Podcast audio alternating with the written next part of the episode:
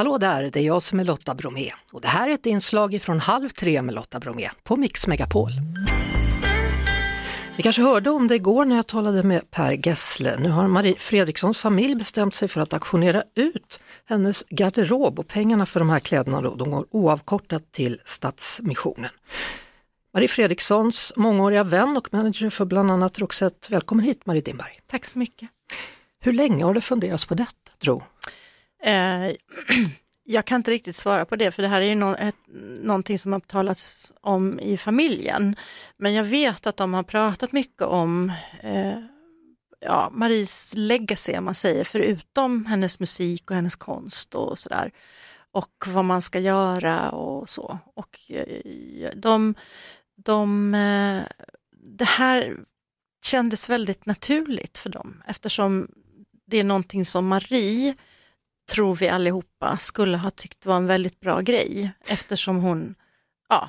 Hon var som hon var. Hon var som hon var. Hon ja. glömde aldrig sina rötter och hon värnade alltid om människor som hade det sämre ställt än hon. Mm.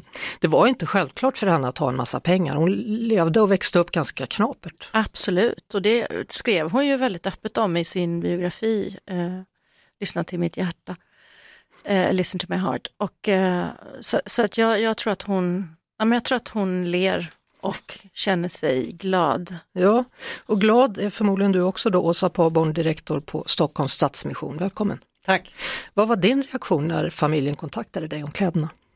Ja, det känns ju otroligt hedrande när familjen hörde av sig i våras via hennes make då, Micke och sa att vi har kommit fram till att vi vill eh, hedra Maries minne på det här sättet genom att auktionera ut ett 50-tal av hennes privata plagg för det här är ju plagg, inte scenkläderna utan det är plaggen, eh, ett antal plagg från hennes privata garderob. Mm. Via en aktion då om vars intäkter ska gå till samhällets mest utsatta, det vill säga de som Stockholms Stadsmission arbetar med. Så det känns ju fantastiskt hedrande att få det uppdraget. Totalt så handlar det då om 50-talet plagg och det kommer då auktioneras ut via Tradera då med start imorgon klockan 9. Eh, dessutom kommer en del av klädesplaggen att ställas ut på NK har jag förstått. Stämmer, fredag lunch så kommer man att kunna se ett antal av plaggen, inte så många men, men ett, ett antal av dem som vi har valt ut också. Så det kommer vara en utställning där tillsammans med ett antal eh, fotografier också och lite historik kring när Marie Fredriksson själv bar de här kläderna. Så det kommer vara ett evenemang i Stockholm på NK imorgon. Marie eh, Dimberg, alltså, när jag pratade med Per igår som du också jobbar tillsammans mm. med så känner ju han fortfarande att det är ett sånt stort tomrum mm. efter Marie och jag antar mm. att det är detsamma för dig. Mm, det är det. Det är, jättekonstigt. För vi, de kände, har ju känt varandra sedan 79 men, men eh, jag jobbar, jag har känt Marie sedan 84.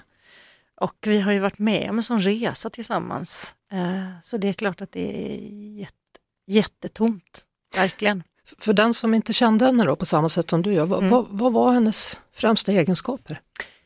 Alltså dels var det ju mm, hennes professionella, alltså att hon var så en sån fantastisk, en av världens bästa sångerskor som utvecklades från en blyg liten skånsk sparv till en, en full, som fullständigt ägde världens scener och kunde domtera en 70 000 pers i publiken. Så det är ju den delen. Eh, sen den andra delen av Marie var att hon, hon, hon blev, hon var alltid den här skånska lilla tjejen som hellre tog en öl än drack champagne. Eh, som inte förstod sig på skaldjur förrän väldigt sent. Hon ville hellre ha kött, jag vill ha kött. Så att hon, hon, var, väl, hon var tvilling och det tycker jag är, eh, kan, kan rama in ganska mycket så som hon var. Och ett väldigt stort hjärta. Eh, jag berättade igår när, när Per Gessle var här om en gång när de hade gått upp som etta på USA-listan och det här tycker jag också är så himla typiskt henne. Då hade vi gjort en intervju, om det var kanske ett och ett halvt år tidigare, hon hade varit hemma hos mig och ätit glass och så hade vi gjort en lång intervju. Och så tänker jag, men oj, där står de och de är svenskar och de är etta på USA-listan. Så tänker jag kanske åtminstone jag ska säga hej. Och det första hon gör är att gå fram och säga, hur mår du nu då? Det var ett tag sedan vi sågs. Mm. Det är ju jättetypiskt Marie. Och jag, jag, berättade för Åsa när vi var här ute en liten anekdot om både Marie och kläder, när vi var precis i början i New York, eh, så skulle det handlas upp eh, scenkläder och så, så var vi inne i jättefina affärer i New York och så hittade vi en blus som jag tyckte var jättefin. Eh, och jag var ju liksom ung skivbolagsanställd, jag har med inte jättehög lön. Alltså, och då köpte hon den till mig. Ja. Som hon. Som hon. Mm. Vilka kläder är det nu då eh, som går här på auktion Åsa Paborn? Ja men det är ju fantastiska eh, kläder och som sagt man tror kanske att Marie Fredriksson är ju för många den här rock, rocktjejen, lite androgyn i sin, i sin stil. Man har pratat om att hon hade förebilder som både Annie Lennox och David Bowie när det gäller just klädval och så. Men de här plaggen, de här privata plaggen visar ju också en annan sida som hon hade, mera kvinnligare, mjukare plagg. Det är mycket, mycket kappor, det är Armani-kappor, jättefina, finns, kommer också finnas eh, på utställningen på NK. Det är kavajer, det är ytterplagg, det är en otrolig röd brokadkavaj från eh, Dolce Gabbana till exempel. Men sen är det ju också framförallt den här fantastiska klänningen, aftonklänningen som hon bar på, på Chris och prinsessan Madeleines bröllop med pärlbroderier i champagnefärg med flera lager. Den är otroligt fin. Mm. Jag är inte så jättebra, jag ska vara ärlig och säga att jag är inte så jättebra på så här märkeskläder och så, men jag förstår att det här är fantastiska kreationer från världsberömda designers. Ja, men det är ju det, men, man tycker, men det är också som jag har först fått det berätta, jag kände ju inte Marie, det konstiga är ju nästan att man, man, man det känns som att man kände henne, mm. för att hon var så mycket både människa och världsartist. Mm. Men vad jag också har fått berättat är när hon gillade någonting så, det var väl också en slags revansch kanske från hennes barndom, att hon hade det lite påvert.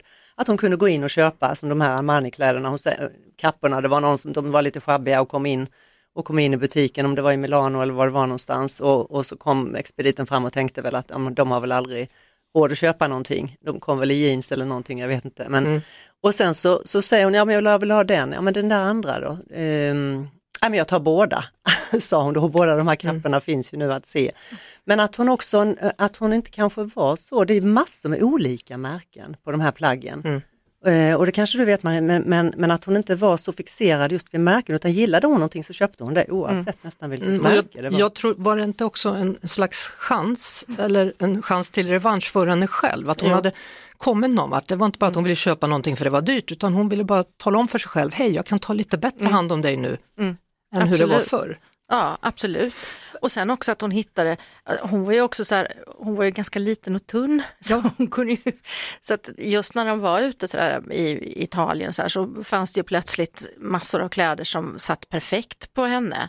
Eh, som kanske hon inte hade hittat tidigare heller. Och just, eh, hon hade ju vissa Alaya och, mm. och Dolce Gabbana som hon, som hon gillade väldigt mycket. Men sen jag, jag vill ju jättegärna lämna också den här fantastiska klänningen som hon hade på sitt 40-årskalas. Som var helt, alltså när hon kommer ut, eh, jag var där, och när hon kommer ut i den här vackra klänningen. Med, Hur ser den ut? Den är, den är beige också med, med ädelstenar, paljetter och, och bara med stra, äh, straps. Mm. Eh, och så kom hon ut i den och höll eh, fe, 40 eh, rosor mm. i famnen det var magiskt alltså. Den är otroligt vacker. Den ja. är specialsydd. Jag tänker så här då, imorgon så släpps alltså dessa kläder klockan 9.00 äh, säljs via Tradera. Det måste ju finnas intresse från andra länder också tänker jag. För ni ut det här, Åsa Pabon, i andra länder så att fans runt om i världen kan ta del av det här? Ja, det unika med den här aktionen är ju, den är ju öppen för internationell publik eh, och utropspriset är ju en krona för varje plagg, för det är helt omöjligt att prissätta de här plaggen. Eh, och naturligtvis så hoppas ju vi, vi på, på en, en, en aktiv budgivning så att vi verkligen får in mycket pengar som går till just samhällets mest utsatta och har man möjlighet, jag vill också skicka med det till lyssnarna, och har råd så det är inte bara det att man kanske kan få ett fantastiskt plagg med ett otroligt eh, starkt minne kopplat till Marie Fredriksson utan också att man gör en insats för ett ja, det var det jag tänkte säga. V vad går pengarna till? Vad är det ni gör? Vad kan ni göra med de här pengarna i Stadsmissionen? Ja, de går ju, eftersom Tradera också har avsagt sig sin provision, så går ju alla pengarna verkligen till våra verksamheter. Och det handlar ju om akuta behov som finns nu för eh, personer som saknar bostad, lever i hemlöshet, barn och unga som av olika skäl har det otroligt svårt. Det handlar om mat, kläder, eh, hjälp, till, hjälp till självhjälp så att säga för jättemånga människor. Så de gör nytta. Tack så mycket för att ni kom hit, Åsa Pabon, direktor vid Stockholms Stadsmission och Marie Timberg. Vi hörs såklart på Mix Megapol varje eftermiddag vid halv tre. Ett poddtips från Podplay. I fallen jag aldrig glömmer djupdyker Hasse Aro i arbetet bakom några av Sveriges mest uppseendeväckande brottsutredningar. Går vi in med hemlig telefonavlyssning och, och då upplever vi att vi får en total förändring av hans beteende. Vad är det som händer nu? Vem är det som läcker? Och så säger han att jag är kriminell, jag har varit kriminell i hela mitt liv men att mörda ett barn, där går min gräns. Nya säsongen av Fallen jag aldrig glömmer på Podplay.